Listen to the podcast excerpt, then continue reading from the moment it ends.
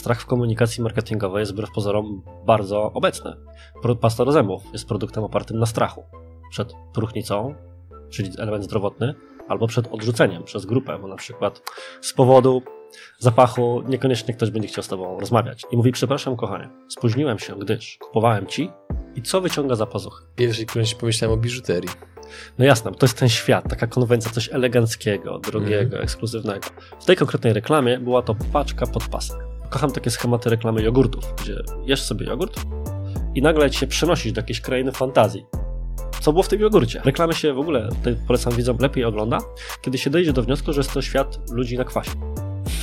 No okay. wiesz, siedzisz sobie na kanapie, jesz kostkę wedla czy jakąś inną czekoladę i nagle obok się pojawia jakaś kostka, mówi zjedz jeszcze. No ewidentny trip. Jeżeli chcesz być na bieżąco z naszymi materiałami, zasubskrybuj kanał i kliknij dzwoneczek. Partnerem odcinka jest rocketjobs.pl, portal pracy przyszłości, gdzie znajdziesz nowych członków Twojego zespołu. Mercaton Asi, inwestycje z pozytywnym wpływem. SoFinanse, eksperci w dziedzinie finansów. IBCCS Tax, spółki zagraniczne, ochrona majątku, podatki międzynarodowe. Linki do partnerów znajdziecie w opisie filmu. Dzień dobry drodzy widzowie, Adrian Gorzycki, Przygody Przedsiębiorców. Moim gościem dzisiaj ponownie jest Artur Jabłoński. Dzień dobry. Dzień dobry. Jesteśmy w trakcie realizowania serii eksperckiej, e, a jak żeby inaczej o czym innym, jak nie o e, wózkach widłowych i o logistyce, bo generalnie w tym specjalizuje się Artur. A tak serio, odkładając mało śmieszne żarty na bok, oczywiście rozmawiamy o marketingu. To jest drugi odcinek, Arturze? O czym będzie drugi odcinek? Drugi odcinek, jeżeli damy radę, prawdopodobnie zakończy wszystkie P, które mieliśmy podać naszym słuchaczom. Mhm. Więc jeżeli ten odcinek oglądasz jako pierwszy, nie widziałeś jeszcze faktycznie pierwszego odcinka tej serii eksperckiej, to zachęcam Cię, żebyś kliknął w link, który znajduje się w opisie filmu, żeby ułożyć sobie całą chronologię i uzyskać z tej serii eksperckiej jak najwięcej przydatnych informacji. Oddaję Ci głos. Wiesz, czego Ci zazdroszczę? Włosów? to też. To też. No. Chociaż wolę ciemne niż blond. Natomiast tej bardzo YouTube'owej ekspresji przy mówieniu, która egzemplifikuje się w każdym geście, podkreśleniu puenty i pokazywaniu do kamery. Ty Tomek, on mi teraz ciśnie, czy mnie komplementuje? Bo ja mam taki trochę dylemat, nie? Pół na pół. Dobrze, idźmy dalej. Jak to mówią, zdania ekspertów są podzielone. Tymczasem, dla osób, które jeszcze nie, nie pamiętają na przykład już po jakimś czasie poprzedniego odcinka. W poprzednim odcinku mówiliśmy sobie o personie jako pierwszym P w drodze do naszych krokach, które musimy podjąć, żeby opracować plan marketingowy. Oraz później przewagach w rozumieniu korzyściach, wartościach dodanych, rzeczach, które wynikają z Twojej oferty, które mają sprawić, że człowiek skorzysta właśnie z Ciebie, z Twojej usługi, mhm. z Twojej oferty, a nie z innej. I Zakończyliśmy poprzedni odcinek mówiąc, tak starałem się zrobić cliffhanger jak w Marvelu, że de facto to nie wystarczy i na koniec dnia może się okazać, że i tak nie kupi od nas tak wiele osób, jak mogłoby, albo może się zdarzyć, że nie kupi nawet nikt. I teraz z czego to wynika? To może wynikać z faktu, że mówimy o niewłaściwych rzeczach, niewłaściwym ludziom w niewłaściwym momencie. Czyli generalnie trzy strzały sami sobie robimy. I tu właśnie wchodzi nasze kolejne P, którym jest trzecie P, przekonania. O co chodzi? W zasadzie, gdyby chcieć podzielić marketing, komunikację marketingową, ale też sprzedażową, na taką najprostszą rzecz, to myślę, że można byłoby postawić linię demarkacyjną, że jest to przekonywanie przekonanych albo przekonywanie nieprzekonanych. Czyli takich osób, które już uważają, że twoim, twoje rozwiązanie jest właściwym rozwiązaniem ich problemu, mhm. albo pomoże im wykonać zadania, jakie mają do wykonania, albo takich, którzy jeszcze w ten sposób nie uważają. I za chwilę sobie to rozwiniemy, żeby stało się to w pełni jasne, natomiast wyjdźmy od takiej tezy, czy hipotezy, że większość komunikacji marketingowej, z którą się de facto stykasz wokół, to jest komunikacja skupiona na przekonywaniu przekonanych. Nowy telefon Samsung XYZ15, który jest 10% cięższy od konkurencji. To jest komunikacja, która twoim zdaniem jest skupiona na przekonanych czy na nieprzekonanych? No na przekonanych, no bo nieprzekonany w ogóle nie będzie brał pod uwagę tego i analizował, czy to ma jakąśkolwiek wartość dla niego, że ten telefon jest cięższy, czy też nie. Oczywiście. A jeżeli będziesz miał promocję na czujniki dymu w Biedronce, jeżeli tam się takie sprzedają, to jest tak samo dla osób przekonanych, które uważają, że mają pewien problem, który ten produkt może rozwiązać. Dokładnie tak. I co więcej, e, uzupełniając to, one są przekonane, że dokładnie tym narzędziem rozwiążą ten problem. Czyli większość komunikacji jest nakierowana do osób, które wierzą, że konkretny rodzaj oferty, konkretny produkt, konkretna usługa jest dla nich. Czyli wybierz naszą agencję, bo mówią agencje, wybierz naszą firmę, bo mówią firmy robiące rzecz X skupiają się, całk- pomijają jakby taki etap, w którym należałoby odpowiedzieć na inne pytanie, które potencjalny klient może sobie zadać. Czy właściwie to jest dobre rozwiązanie mojego problemu? Czy może powinienem skorzystać z czegoś innego? I to odpowiedź na to drugie pytanie to właśnie z mojej perspektywy jest przekonywanie nieprzekonanych. Bo można byłoby powiedzieć, że masz trzy fazy myślenia o problemie, z którym się mierzysz w biznesie, czy w życiu, jeżeli jest jakiś taki produkt szybko rotujący, który chcesz sobie kupić. Czyli pierwsza sprawa to może być sprawa, że uważasz, że problem nie istnieje. W ogóle go nie zauważasz. Nie wiesz, że masz jakiś problem, albo nawet go negujesz. Nie wierzysz, że problem dotyczy właśnie ciebie. I to może być na przykład ta sytuacja, skoro już powiedzieliśmy o czujnikach demo, możemy do nich nawiązać. Bo są osoby, które będą uważały, no, inni ludzie mogą mieć takie problemy, ale nie ja. Podobnie jak generalnie myślenie o chorobach, złych rzeczach, które mogą ci się przydarzyć, to zawsze jest takie zdarzenie. Dostaniesz informację, komunikat, że kup e, naszą tabletkę na coś tam, bo jest 10% bardziej wydajna niż inna, to do ciebie to nie trafi, bo ty nie czujesz się odbiorcą tego. I albo po prostu nie widzisz, że masz jakiś problem, czyli jeszcze nie jesteś w sytuacji, w której się w ogóle zastanawiasz nad czymś takim, bo nie masz takiego doświadczenia. To jest trochę jak z tym, co mówiliśmy w poprzednim odcinku, właśnie w kontekście garniturów. Nie będziesz się zastanawiał nad tym, czy twój garnitur z jakiegoś składu, jeżeli nie udało ci się jeszcze przejechać, mówiąc kolokwialnie, na tym, że właśnie spociłeś się w poliestrowym garniturze, więc nie będziesz wrażliwy na to, że ktoś będzie puszczał na ciebie reklamy 100% wełny Merino w naszym nowym swetrze. To może cię zainteresować do edukacji w tej kategorii, ale wtedy być może zaczniesz zauważać ten problem, czy jaki problem w ogóle, którego nawet nie wiesz, że masz, to rozwiązanie rozwiązuje. Mhm. Jeżeli jesteśmy po tym etapie, to masz w tym momencie drugą fazę. Druga faza to jest faza, która de facto jest pytaniem, nie wiem, jak rozwiązać mój problem. To jest bardzo ważna faza środka, o której wiele osób zapomina, a na niej powinno być skupione dużej komunikacji, bo to jest ten etap, który już widzisz, że problem jest, ale jest kilka ścieżek, które mogą ci pomóc go załatwić.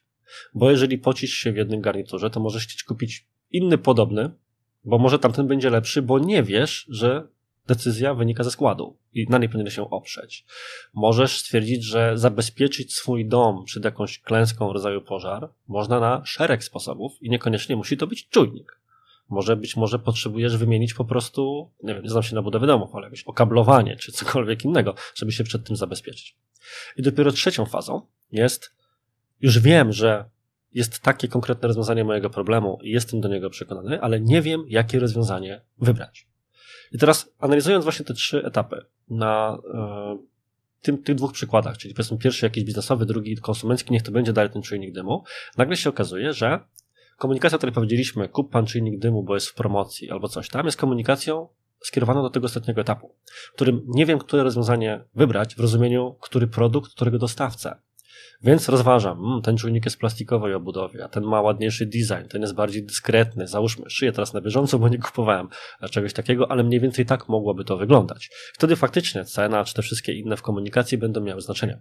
Ale na przykład na pierwszym etapie, który jest tym etapem albo nieświadomości, albo negacji problemu, to nie możesz skupić się i tłumaczyć człowiekowi, że patrz, kup czujnik bez ładny, plastikowy i dyskretny. Tylko na przykład możesz przygotować, osnąć swoją komunikację wokół w ogóle pokazywaniu ludziom ryzyka. Czyli na przykład jestem sobie w stanie wyobrazić tworzenie materiału przez taką firmę na temat ile osób ginie w pożarach we własnym domu, a ile dałoby się uniknąć, gdyby miały w ogóle czujniki. Czyli tu nie chodzi oczywiście o strach, o straszenie kogoś, bo niektórzy mają taką niechęć do stosowania strachu w komunikacji, podczas gdy strach jest po prostu emocją aktywizującą. W sensie nikt nie każe straszyć, że zobacz, umrzesz, jeżeli nie będziesz miał czujnika dymu, tylko chodzi o świadomienie problemu. W sensie strach w komunikacji marketingowej jest wbrew pozorom bardzo obecny. Pasta do zębów jest produktem opartym na strachu. Przed próchnicą, czyli element zdrowotny, albo przed odrzuceniem przez grupę, bo na przykład z powodu zapachu niekoniecznie ktoś będzie chciał z tobą rozmawiać, nie? Więc de facto to też jest reklama oparta na strachu, więc żebyśmy też dobrze mhm. tutaj zramowali dla naszych widzów czy słuchaczy w wersji podcastowej, że to nie oznacza, że teraz mamy się zamienić jakiegoś takiego pana, który będzie puszczał gromy podczas reklamy i uważaj, stanie ci się krzywda. Generalnie popularyzacja pewnych rzeczy. Na tym często działają kampanie społeczne, tak? które po prostu pokazują pewien problem i one ewentualnie mogą być jego rozwiązaniem, ale komunikacja przede wszystkim jest skupiona na problemie. Mhm. I dopiero dalej będziemy wchodzili właśnie w komunikację, tylko będzie pokazywał alternatywy. Zmieniając na chwilę przykład w branży startupowej czy branży technologicznej, często tak jest, że jeżeli masz jakieś rozwiązanie, to pozycjonujesz je kontra inne rozwiązania. Branża kursów online, sami jesteście też autorami jednego z kursów, często tak się pozycjonuje, że możesz wybrać nasz kurs, albo możesz na przykład wdrożyć pracownika, który się tym zajmie. I pokazujesz wady i zalety przeważnie zalety swojego, wady tego drugiego rozwiązania, bo to jest ta komunikacja skupiona do ludzi, którzy są na etapie, hmm, może w zasadzie zrobiłby to ktoś ode mnie, albo jakąś firmę, czy ja potrzebuję kursu na przykład, nie? że ktoś takiego sprzedaje. Albo jeżeli masz jakieś rozwiązanie technologiczne, które oszczędza robocze godziny na przykład automatyzując coś, to znów będziesz pokazywał czynnik białkowy, czyli człowiek, który ma to wykonać i co mógłby robić w tym czasie, kontra twoje rozwiązanie, które pomaga to rozwiązać. Czyli człowiek ma dwa potencjalne rozwiązania. Albo zrobi to mój człowiek, albo twoje narzędzie. To po co mi to narzędzie? W zasadzie mój człowiek to zrobi. Jeżeli będziemy tylko mówili, ale zobacz, a nasze narzędzie jest 10% tańsze niż konkurencyjne i w ogóle automatyzuje ten proces jako pierwsze w historii rynku, no fajnie, ale mój człowiek może to zrobić. Czyli ja już mam way around, tak? Jakoś rozwiązuję ten problem inną drogą. Więc twoim celem jest uświadomienie mi, że te inne rozwiązania nie są dobre. To jest właśnie ta komunikacja do osób, które albo nie wiedzą, jak rozwiązać swój problem, albo nie są przekonane do Twojego rozwiązania. Dzięki, że jesteś z nami i oglądasz nasze filmy. Chcielibyśmy przekazać Ci krótką informację. Przygody przedsiębiorców to nie tylko wywiady. Na co dzień zajmujemy się przede wszystkim wideomarketingiem na YouTube. Jeśli chcesz, aby Twoja firma zaczęła generować lidy z platformy, która zrzesza ponad 20 milionów użytkowników w samej Polsce, to wejdź na przygody.tv i sprawdź, jak możesz z naszą pomocą skorzystać z potencjału YouTube'a, zanim zrobi to Twoja konkurencja. Powiedz mi o, o, takiej strony praktycznej, jak to ułożyć w takim razie w lejku marketingowym, żeby wiedzieć, na jakim etapie powinniśmy rozbijać jakie przekonania i jak sprawdzić, że grupa docelowa, która na przykład widzi reklamę X, że ona już ma na przykład świadomość tego, dlaczego czujnik dymu jest potrzebny i że powinniśmy już stosować inne komunikaty. Jak, jak to mhm. ułożyć? E, to jest trudne pytanie, proste pytanie, które wymaga trudnej odpowiedzi, na które nasza piąta literka P odpowie. Więc chwilowo mhm. niczym Anna Maria Wesołowska oddalam pytanie. Dobrze, przyjmuję. Żebyśmy tylko domknęli ten jeden, jeden wątek. Mhm. I przeanalizujmy to teraz w kontekście przykładu biznesowego. Czyli załóżmy pierwszy etap tego, nie wiem jaki mam problem, albo mam problem, ale nie wiem jak go rozwiązać. To na przykład może być, chcę, żeby mój biznes rósł. Mam sklep internetowy, chcę sprzedawać więcej. I teraz chcę sprzedawać więcej, ale nie wiem dlaczego nie sprzedaje się. I teraz potrzebujesz przygotować e, artykuły, materiały czy cokolwiek, które uświadamią, dlaczego twój sklep nie rośnie. Co powinieneś zadbać, żeby sklep rósł. I to jest taki artykuł czy materiał, który trochę służy pokazaniu ci potencjalnych problemów, które mogą zatem stać, a jednym z tych rozwiązań oczywiście może być twoja oferta. W drugim przy, przypadku, kiedy człowiek nie wie, jak to rozwiązać, w sensie szuka już jakichś gotowych patentów, to możesz mieć na przykład e, audyt sklepu kontra poprawa jakości reklam, kontra zatrudnienie zewnętrznej firmy, kontra coś. Czyli pokazujesz różne metody rozwiązania problemu. Jednym z nich jesteś ty, ale pomagasz komuś rozsądzać. To jest bardzo często w świecie agencyjnym, gdzie agencja porównuje, jak się pracuje z agencją, czemu warto z agencją, kontra własny dział marketingu. Czy zatrudnienie dodatkowego specjalisty. Jak, czym jest, na czym polegają przewagi agencji zewnętrznej, czy konsultanta, kontra pracownika wewnętrznego. To, co ja kocham w pracy konsultanta, jest to, że ja jestem mądry doświadczeniem wszystkich branż, wszystkich klientów, z którymi się zetknąłem. I po prostu jestem w stanie to porównywać, a pracownik niekoniecznie ma tak szerokie spektrum jednego konsultanta czy pracownika agencji i wszystkich tych branż, którymi my sumarycznie e, e, działamy. Jesteśmy sumą doświadczeń naszych klientów i możemy to między sobą krosować wiedzowo, jeżeli umowy na to pozwalają w danym momencie, prawda? I dopiero potem jest ten etap trzeci, gdzie stwierdzisz już, no dobrze, czyli faktycznie ja potrzebuję na przykład zwiększyć skuteczność swoich reklam i de facto jednak chciałbym to zrobić sam, więc wyślę pracownika na szkolenie. Więc jakie szkolenie? Teraz masz już konkretny problem. Potrzebuję wybrać szkolenie z reklam na Facebooku na przykład. I szukasz teraz, który pan od reklam ci się bardziej podoba, do kogo chcesz to skierować. Czyli jeżeli jedyne co będziesz puszczać, to reklamę przyjdź na moje szkolenie, żeby sprzedawać więcej w swoim sklepie, to jest pewna część populacji, po części już odpowiadając na twoje pytanie, gotowa kupić tu i teraz i tak czy owak tego komunikatu potrzebuje. W sensie są ludzie, którzy mają ten problem, są jego świadomi, są przekonani do takiej formy rozwiązywania go i chcieliby to zrobić tu i teraz. Ale nie będzie ich aż tylu, jak myślimy, więc potrzebujemy tej całej części wcześniejszej. Mhm. Czyli teraz kolejna literka P, czyli przekaz. Trochę tak, trochę nie, bo jeszcze jedno rzecz tylko chciałem w mhm, kontekście tego poprzedniego P e, powiedzieć, żeby uświadomić osobom, że nad im bardziej innowacyjną usługą pracują, albo nad im bardziej skomplikowanym problemem pracują, tym bardziej ich komunikacja powinna być skupiona na mówieniu o problemie, a mniej na korzyściach i takich punktach różnicujących dyferencjacji, czyli czym ty jesteś inny od konkurencji. Mhm. Dlaczego? Bo jeżeli będziesz skupiał się w komunikacji na tym, jak ty rozwiązujesz ten problem, to wykluczasz w tym momencie te osoby, które uważają, tak, ale problem mnie nie dotyczy, albo mhm. osoby, które nawet nie zdają sobie sprawy, coś takiego istnieje. Więc potrzebujesz, im bardziej innowacyjny jesteś, albo im bardziej skomplikowany jesteś, tym bardziej mówisz o problemie, a nie o swoim rozwiązaniu. To rozwiązanie jest po prostu na samym końcu, kiedy człowiek już rzeczywiście zrozumie, że to jest jego bolączką.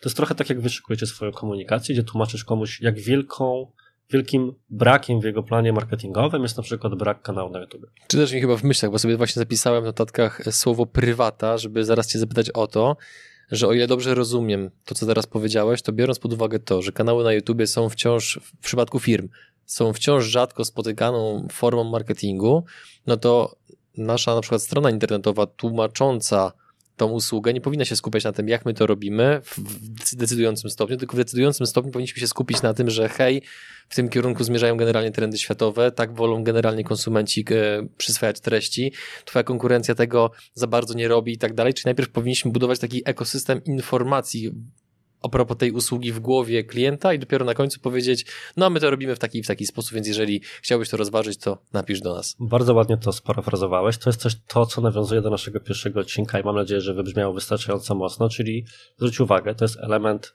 procesu zakupowego, którym jest edukacja w zakresie dostępnych na rynku rozwiązań, rozważanie alternatyw i tak dalej. Dlatego ja tak głęboko wierzę, że marketerzy powinni no, ramię w ramię iść działem sprzedaży. U mnie w firmie dział sprzedaży i marketingu jest jednym działem. Choć wydaje się to takim starym, staroszkolnym rozwiązaniem, od którego się już odchodzi, bo uważam, że flow informacyjny między tymi działami musi być po prostu błyskawiczny. I to jest też to, nad czym my pracujemy, nie tylko na materiałach marketingowych, ale edukujemy się w materiałach sprzedażowych, bo wbrew pozorom te światy w dzisiejszych czasach się mocno przenikają. Jeżeli robisz reklamę w Google, zajmujesz się sprzedażą czy marketingiem. Ja się zawsze śmieję, że reklama w Google to nie jest reklama. To jest wyświetlanie stanów magazynowych. Jeżeli ja wpisuję Tiko w gazie i widzę reklamy Tiko, to czy, gdzie tu marketing? Gdzie tu jakaś komunikacja, przekonywanie, mhm. czy pokazywanie, jaki jest produkt? To są stany magazynowe. No to wątek całkowicie oboczny. I dobrze to zmapowałeś. Ja miałem podobny problem, bo na przykład jestem autorem kursu z copywritingu. I Kupiliśmy go. Cudownie. Jeszcze, jeszcze robiłem. To już gorzej. Natomiast generalnie większość ludzi uważa, że umie pisać, więc to nie, nie widzą tego problemu, albo uważa, że jest to nieistotny problem, że ja jestem mogę pisać lepiej, ale to przecież nie jest tak ważne, bo przecież ja nie piszę tekstów, ulotek czy coś tam. Natomiast moja strona, gdybyś na nią zajrzał, jest w 90% skupiona na tym, że pisanie dotyka wszystkich obszarów, bo od umiejętności dobrego pisania i zwierania myśli będziesz lepiej wypowiadał się publicznie, będziesz lepiej prowadził rozmowy, będziesz lepiej występował, będziesz łatwiej organizował swój przekaz. Po pierwsze, po drugie, pisanie to, to jest nie tylko pisanie tekstów, ale pisanie maili, którym coś komuś zlecasz, delegowanie zadań, komunikacja bieżąca, komunikacja na asanie asynchroniczna w dzisiejszych czasach, szykowanie scenariuszy odcinków takich jak tutaj, żeby były merytoryczne. Umiejętności pisania paradoksalnie są umiejętnościami sprzedażowymi. To, na czym ja się wielokrotnie łapałem, kiedy szykowałem swoje materiały dla kursantów, to że tak naprawdę musiałem w kontekście komunikacji o języku korzyści, zbijaniu obiekcji, pracować nad materiałem to jest de facto sprzedażowy, ponieważ jesteś w stanie wziąć moje materiały o językiem korzyści i zbijaniu obiekcji i potem pewnie zajrzałbyś do jakichś podręczników dla sprzedawców, okazałoby się, że to są bardzo podobne frameworki i schematy. Dlatego, że trzeba myśleć sprzedażowo, żeby umieć przekuć to w tekst sprzedażowy. Więc tak naprawdę uczysz się nie tylko pisać, ale uczysz się komunikować. I o tym jest praktycznie cała strona, a na końcu jest tylko kilka argumentów, czemu ode mnie, a nie od kogoś innego. Ale ja daję ci wszystko do ręki, co potrzebujesz, żeby podjąć decyzję. I podobnie uważam, rzeczywiście, jeżeli macie zamiar wprowadzać jakieś zmiany, tak mhm. zrobiłbym to w kontekście kanału YouTube'owego. Mhm. Więc pamiętajcie, drodzy widzowie, im bardziej innowacyjna usługa, im bardziej skomplikowany produkt, im trudniej przekonać kogoś do tego, że ten problem faktycznie ma, tym więcej komunikacji o problemie, tym później komunikacja o produkcie. I czwarte P, które wywołałeś, to jest przekaz. Ja tak zabawnie mogę powiedzieć, że przekaz to jest linia partii, czyli odpowiedź na taki szereg pytań już bardzo, bardzo miękkich i chyba takich, które klasycznie się ludziom kojarzą ze strategią marketingową, bo to, co wszystko mówimy, szykuje de facto taki kilka kroków do strategii marketingowej, planu marketingowego, jak zwał, tak zwał, ale większość ludzi, kiedy z nimi rozmawiam, to ma wrażenie, że strategia marketingowa to jest właśnie, co mają ludzie o nas myśleć, jak mają nas odbierać. I to jest ważne, ale tak jak widzisz, to się pojawia na pewnym etapie. Mhm. Ale faktycznie jest szereg pytań, na które trzeba sobie odpowiedzieć. Co ludzie mają myśleć o twojej marce? Jak mają ją odbierać? Jaki jesteś? Co jakaś konkretna kampania ma na twój temat powiedzieć? Jakie słowa mają się z tobą kojarzyć? Tak, co też ma zapamiętać po takiej, po takiej kampanii? I ponownie jest szereg rzeczy, od których można by się było odbić, żeby coś takiego przygotować. Więc takie pojęcie, które mogę Ci wprowadzić na sam początek, jestem ciekaw, czy kiedyś się z nim zetknąłeś, to jest pojęcie konwencji kategorialnej. Nie miałem przyjemności. Specjalnie tak zadałem, bo wiedziałem, pewnie tego nie było, więc chciałem, żebyś po prostu wyszedł, że nie wiesz. A ja spodziewałem się, że odpowiesz, nie dziwię się. A widzisz, no cóż, nie no, oczywiście żartuję, żartując. W sensie konwencja kategorialna, nawet nie wiem, czy to funkcjonuje jako pojęcie, ja się po prostu z nim spotkałem w wielu miejscach. E, dałoby się to wytłumaczyć w ten sposób, jakkolwiek ogólnie i dziwnie by to nie zabrzmiało, że pewne marki reklamują się w pewien sposób. Teraz trudno o bardziej banalne stwierdzenie, tak?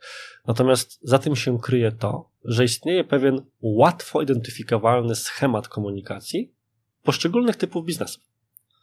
I tutaj wrócimy troszkę do proszku do prania, o którym mówiliśmy wcześniej. Wcześniej sięgaliśmy po te reklamy z lat 90., nie? czyli że jest sobie reklama, która polega na typowym proszku, zwykłym proszku, od którego się odbijasz. Natomiast tak jak sobie tutaj siedzisz, byłbyś w stanie bardzo kompetentnie przygotować reklamę proszku do prania, zatrudniwszy się w agencji na stażu czy gdziekolwiek, od jutra chociażby. Bo Adrian, co się stanie w reklamie, jeżeli w pierwszej scenie e, dziecko będzie grało w piłkę nożną? Prawdopodobnie się potknie i się ubrudzi. Oczywiście, co będzie dalej? Pojawi się rodzic, który będzie chciał rozwiązać ten problem, mama, tata, i nagle magicznym sposobem na boisku piłkarskim pojawi się pralka oraz prawdopodobnie pan Zygmunt. No masz bujną wyobraźnię, a załóżmy, że robią to jednak w domu, przy, przy kolejnej okazji, przed kolejnym meczem. Grają w piłkę w domu, spoko. Tak. No, nie tyle grają. Czyli okej. Okay, to... Z tym panem Zygmuntem. No to okay. już odjechaliśmy, to byłaby ciekawa Żarty. reklama. Mhm, Natomiast oczywiście. generalnie pewnie byłoby tak, że to po pierwsze coś by się musiało nie udać dziecku czyli na przykład nie strzeliłoby, byłoby smutne, ten dość jakiś konflikt, tak? No a później w domu trzeba przygotować zbroję na następne starcie rycerza, rycerza ze smokiem, czyli po prostu trzeba, dziecko musi mieć czyste ubrania.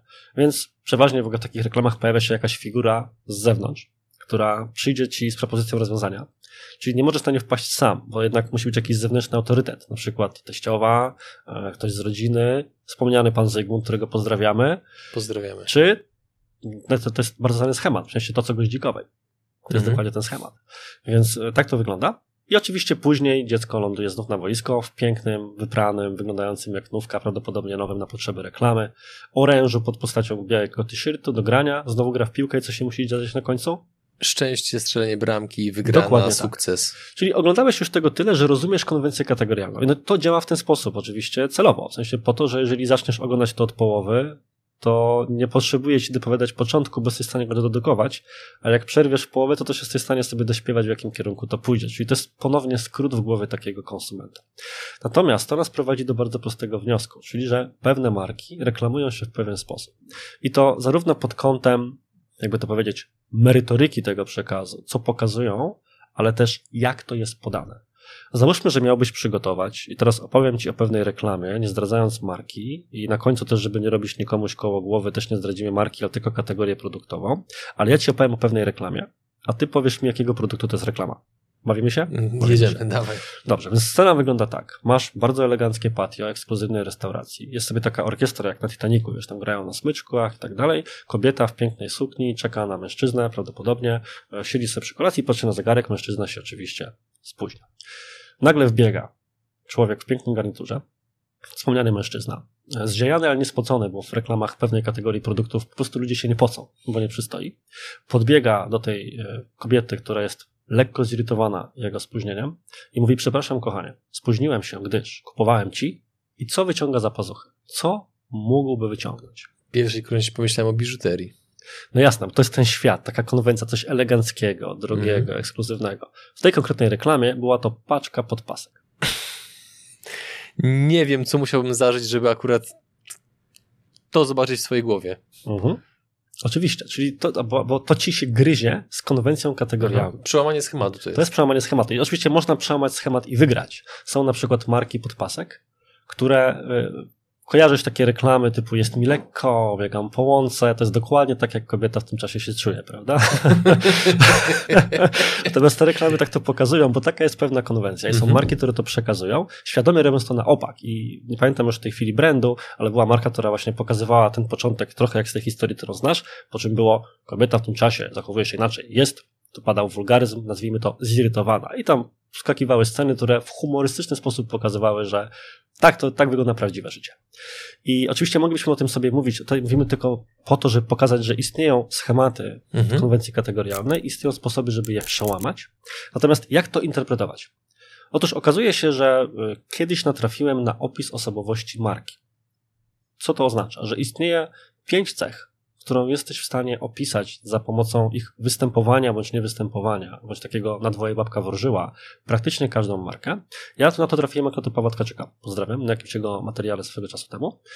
E, później gdzieś tam w jakichś innych źródłach. Nie mam w tej chwili niestety na podorędziu jakiegoś badania z tym związanego, ale generalnie mam to w swojej pamięci, w swoich notatkach. I te pięć cech to ostrość, emocje, kompetencje, szczerość i wyrafinowanie. I teraz do czego się to może przydać? E, bierzesz sobie, oczywiście zaraz sobie powiemy, co poszczególne cechy oznaczają. Więc czym jest ostrość? Ostrość jest w sposób, w jaki się komunikujesz językowo, w rozumieniu na przykład, czy jesteś właśnie wulgarny, e, konfrontacyjny, czy wbrew pozorom jesteś bardzo ułagodzony. Czyli ciężko sobie wyobrazić ostrą komunikację banku. Ale z drugiej strony miałeś kampanię chyba Ryanaira wiele lat temu, która miała claim shut up, it's cheap, zamknij się, jest tanio. I to była komunikacja ostra. Uderzała wręcz w ciebie jako konsumenta, komunikując pewną przewagę przy okazji. Z drugiej strony masz grzeczne marki bułkę przez bibułkę, czyli wszystkie takie powiedzmy właśnie perfumy, nie? Odkryj połączenie zapachu Nevady z czymś tam. Bardzo grzeczna, delikatna i tak dalej. To jest pierwsza kategoria, ostrość. Druga kategoria to emocje. W rozumieniu, czy marka w komunikacji mocno stawia na przekaz emocjonalny, czy nie. Czyli może być marka, to przeważnie biznes tak działa, tak, gdzie mocno fakty, wyniki i tym podobne, albo marka stawiająca mocno na przekaz emocjonalny, na przykład wiele lat temu kampania DAF. Każda z Was jest piękna, chyba dalej jest ta linia komunikacyjna kontynuowana, nawet nie wiem. Z drugiej strony, nawet w tej samej kategorii masz takie marki, jak bodajże Pantene, które często posługują się badaniami, tutaj Twoje włosy 20% bardziej lśniące, mniej jest tego aspektu emocjonalnego. Więc ponownie, tego typu diagram wykorzystuje się do wiesz, fachowych badań z wyznaczeniem konkretnego przedziału. My tutaj posługujemy się taką mhm. domorosłą metodą typu albo jest, albo nie jest, albo mniej więcej jest. Jasne. Dalej to kompetencje. I żebyśmy się dobrze zrozumieli, nie, że marka jest kompetentna bądź niekompetentna, ale albo stawia na pokazywanie właśnie jakichś kompetencji, badań, tym podobnych rzeczy, albo nie. Teraz kampania DAW chce być piękna. Nie mówiła o tym, z jakiego składu są te mydełka. To nie było ważne. Ważny był ten przekaz emocjonalny. Z drugiej strony są marki kosmetyków na przykład naturalnych, które całkowicie będą mówiły o swoim składzie, pochodzeniu, e, sposobie produkcji, bardzo mocno nastawiają się na ten wątek.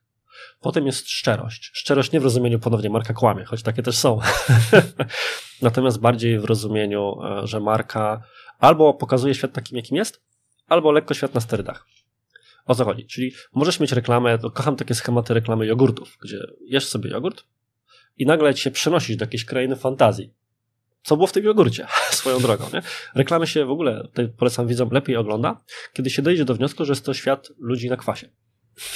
No okay. wiesz, siedzisz sobie na kanapie, jesz kostkę wedla czy jakąś inną czekoladę i nagle obok się pojawia jakaś kostka, mówi zjedz jeszcze. No ewidentny trip. Ale to odjechaliśmy od tematu. Czyli generalnie, obserwacja. Tak, generalnie jest sobie, jest sobie, że tak powiem, świat, kiedy pokazujesz rzeczy lekko podrasowane, czyli na przykład taki bollywoodzki schemat, nie pijesz sobie kole i nagle wszyscy tańczą. I każdy zna choreografię.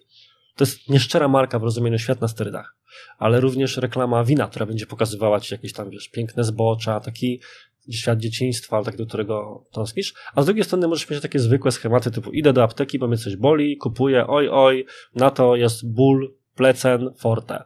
I kupujesz, bierzesz, już cię nie bolą. Taka scenka, która mogłaby przydarzyć się każdemu z nas. I ostatnią cechą jest wyrafinowanie. Możesz mieć albo bardzo luźną komunikację, typu jest crunch, to jest impreza, oczywiście odpowiednią leksykę z tym związaną, wiesz, kolokwializmy, luźny język, albo coś takiego właśnie bardzo ponownie bułkę przez bibułkę, szanowni państwo, z wielką przyjemnością. To właśnie perfumy w tym przodują, mhm. prawda? Odkryj. Nie możesz czegoś zobaczyć, musisz to odkryć. To jest taki bardzo często taki przepompowany schemat językowy. Oczywiście możesz mieć też zwykły, czyli tak trochę tak, trochę tak, coś średniego, uzus językowy. Czyli po prostu dzień dobry, zapraszamy do skorzystania z oferty a możesz mhm. mieć poznaj naszą niesamowitą ofertę, albo jest i bierzcie, czyli znowu masz te powiedzmy trzy stany, które mógłbyś użyć, trochę szyjąc. I teraz ten cały przydługi wywód, który może wydawać się totalnie obok tematów, wcale taki obok nie jest. Bo jeżeli rozumiesz te pięć cech i sobie je zmapujesz, to teraz robisz dwie rzeczy. Po pierwsze, odpalasz sobie reklamy konkurencji i próbujesz przeanalizować je, a każdą markę da się w ten sposób przeanalizować, Gdzie oni są na tej skali? I teraz masz dwie drogi. Bo to, co właśnie zrobiłeś, jeżeli przeanalizowałeś 5-10 konkurentów i wychodzi ci pewien styl, którym oni to robią, to właśnie odkryłeś konwencję kategorialną w swojej branży. Że ludzie pewne marki reklamują się w pewien sposób. I teraz możesz albo chcieć dopasować do tej konwencji, żeby być tacy jak wszyscy, co czasami niektórzy robią, bo jest to pewien, pewna droga na skróty. Dlaczego wszystkie leki reklamują się w podobny sposób? Bo łatwo jest zrozumieć, że patrzysz na reklamę kolejnego leku i tak dalej. A z drugiej strony możesz spróbować tego, znaleźć ten jeden punkt, na którym będziesz chciał się zmienić, ale robisz to w sposób świadomy, czyli na przykład patrzysz, wszystkie marki w moim biznesie są bardzo wyrafinowane, my będziemy mówili luzacko. I na przykład ja ostatnio widziałem coś takiego, co jest świetnym sposobem szamania tej konwencji, czyli masz generalnie usługę faktur. Jeżeli byś popatrzył na programy do fakturowania, one są generalnie grzeczne. Czyli są takie średnie na tej naszej skali. Po czym ostatnio trafiłem, nie pomnę już nazwy, ale na jakąś usługę ewidentnie kierowaną, wiesz, do młodych przedsiębiorców, młodych ludzi i tak dalej, która posługuje się takim mega luzackim językiem. Tutaj na szybkie fakturowanko, jak masz pięć, to wbijaj do nas, zamów program. Czyli y, oczywiście od tego grafiki jakieś szalone, taka stylistyka trochę TikTokowo-storiskowa. I patrzę na to i mówię, e, wyrafinowanie na poziomie minus 100, że tak powiem. Ostrość w pewien sposób, bo jest to pewna forma ostrości w mhm. rozumieniu wyrazistości. Też to nie jest takie vanilla flavor, jak to mówią Brytyjczycy, czyli że coś idealne dla wszystkich, tylko jest to przygięcie w pewną stronę. Więc ktoś, ktoś spojrzał, pewnie rozumiał to intuicyjnie, stwierdził, że wszyscy są grzeczni, będziemy ci niegrzeczni. I część osób potrafi i przy części produktów da się do tego podejść właśnie na poziomie intuicyjnym, a niektórych może wspomóc w tym procesie przejście właśnie przez tych pięć pięć cech pod tym kątem. Mhm. I to oczywiście przede wszystkim pewnie będzie wykorzystywane przez marki konsumenckie, no bo B2B ponownie ma swoją konwencję kategorialną, raczej język biznesowy, ale pojawiają się, pojawiają się dwa pytania. Po pierwsze, czy na pewno? Bo może się okazać, że będą te osoby w świecie biznesowym, które mówią prostszym językiem i dzięki temu wygrywają, bo wszyscy inni stosują wyrafinowane branżowe słownictwo. Z drugiej strony czasami jest ono metodą kwalifikacji konsumenta. Niektóre firmy, na przykład związane z marketing automation, celowo posługują się bardzo skomplikowanym językiem, bo wiedzą, że chcą dotrzeć tylko do tych, którzy go rozumieją. Żeby, brzydko mówiąc, nie tracić czasu na rozmowę z tymi, którzy pewnie za pół roku to kupią, jak to wreszcie zrozumieją, więc to też możesz mhm. do, tego, do tego użyć. Natomiast pod kątem B2B podpowiedziałbym trochę jeszcze inną rzecz, że oczywiście pod kątem przekazu musisz umieć testować, czy sprawdzić, o czym będziemy jeszcze mówili przy kolejnych P, czy firma rozumie, czy dany segment klientów, czy dany typ klienta rozumie, co mu oferujesz i czy te przewagi, te podobne są dla niego ważne. Do tego służą różnego rodzaju kampanie testowe, od kampanii jeden na jeden na LinkedInie po jakieś szersze, targetowane, nawet na Facebooku czy gdziekolwiek indziej. Ale z drugiej strony, pod kątem przekazu, warto się jeszcze zastanowić, właśnie wracając do tych pytań, jaki jesteś, jaki chcesz być, to w przypadku B2B, czy to, co mówisz, da radę, jakby to ładnie ująć, zmienić sposób myślenia o danej kategorii Twojego klienta po drugiej stronie. Bo inne badania, które czytałem, powiedziały bardzo ciekawą rzecz, czyli że większość marketingu B2B jest w dzisiejszych czasach content marketingiem opartych na treściach i jakbym Ci miał udzielić, wiesz, darmowej pseudokonsultacji, powiedziałbym, musisz tworzyć treści dla swoich odbiorców, które odpowiadają na ich problemy, adresują je i tyle. I paradoksalnie jest to nawet dobry ruch pod tym kątem, że większość ludzi nawet tego nie robi. Więc znów, jak ktoś ma znaleźć rozwiązanie jakiegoś problemu, znajdzie je u ciebie, więc być może też skorzysta z ciebie, więc lepiej tak robić niż nic. Ale to są górne stany średnie. Natomiast takim creme de la creme myślenia o kontencie jest szukanie takiego pomysłu na treści, który przeramuje, przeformatuje myślenie czyjeś. O co chodzi? Chodzi o to, żeby wyszukiwać, to jest mega trudne, bo to paradoksalnie jest właśnie robota też na poziomie handlowym, całej firmy i tego, co działasz, rzeczy, które zmieniają myślenie o danym sposobie. Teraz pozwolę sobie brzydko nawiązać do tego, co mówimy o swojej agencji. Czyli myśmy sobie zmapowali w ten sposób, że większość ludzi ma dwa podejścia. Albo pójdę do agencji doradczej, ona mi doradzi, ja to będę egzekwował, albo pójdę do agencji, która ma mi coś wykonać i z góry zakładam, że wystarczy mi ta jedna usługa, oni tę usługę robią i ją wykonają.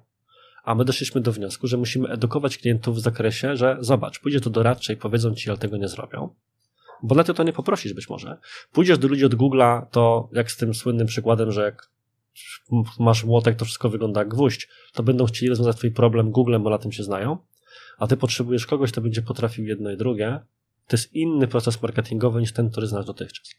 I mi się łatwo mówi na mojej branży, bo jest, jest zrozumieć. Ty być może zapytany o YouTube'a, byłbyś w stanie w kontekście YouTube'a na to odpowiedzieć właśnie, tak jak mówiliśmy wcześniej, tak? Czyli pójdziesz do agencji wideo, żeby zrobiła ci YouTube'a, ale ona ci nie doradzi, jak ten YouTube powinien wyglądać merytorycznie.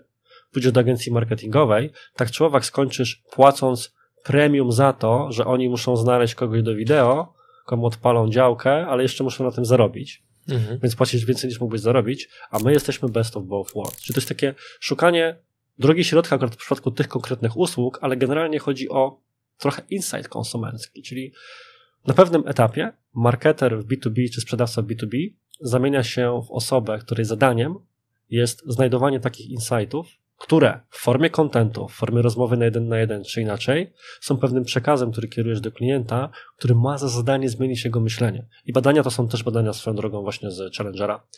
Pokazują, że właśnie taki typ treści ma największy potencjał do prowokowania zakupów czy zapytań ofertowych i tak dalej, bo w przypadku innego po prostu się edukujesz. Czytasz, machasz głową, mówisz albo nie wiedziałem tego, teraz to wiem, albo to jest mądre, ja się z tym zgadzam, bo też tak myślę. Czyli takie dwie reakcje na konferencjach, na których człowiek czasami jest. A rzadko kiedy trafia się na taki prawdziwy właśnie creme de la creme, który zmienia twoje myślenie, łącząc kropki w inny sposób, ale jak jesteś w stanie to zrobić, to nie chcę powiedzieć, że masz człowieka w garści, ale na pewno jesteś tego dużo bliżej, bo ponieważ sprawiłeś, że patrzy na coś nieco inaczej.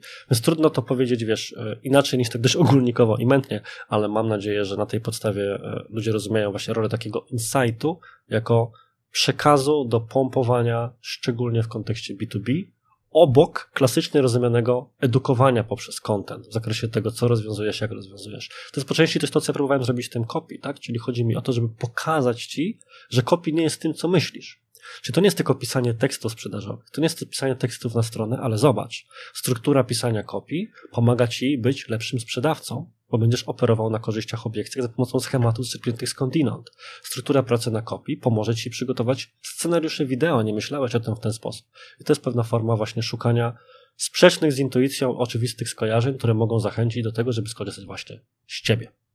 Więc tu postawmy przecinek, bo jeszcze przed nami trzecia część tej serii eksperckiej, więc e, podobnie jak w pierwszym odcinku, poproszę Cię Arturze, żebyś znowu zrobił tak zwanego cliffhangera i powiedział naszym widzom i słuchaczom, dlaczego warto jest czekać na trzecią część tej serii. W trzeciej części tej serii odpowiemy na pytanie, na które oddaliliśmy wcześniej, czyli jak to wszystko ułożyć, teraz pewien proces marketingowy, żeby zachęcić po pierwsze do skorzystania akurat z nas jako dostawcy rozwiązania na konkretny problem, ale też, żeby wiedzieć, że osobom w takiej sytuacji należy pokazywać takie rzeczy, osobom w innej sytuacji pokazywać inne. Drodzy widzowie i słuchacze, dziękujemy Wam za Wasz czas. E, jako listę obecności dajcie znać w komentarzu pod tym filmem, z jakiego miasta się z nami łączycie i oglądacie, bądź słuchacie ten materiał. Do zobaczenia w trzecim odcinku, który już wkrótce pojawi się na kanale, a jak już tylko będzie dostępny, to oczywiście również znajdzie się w opisie tego filmu. Dziękujemy Wam.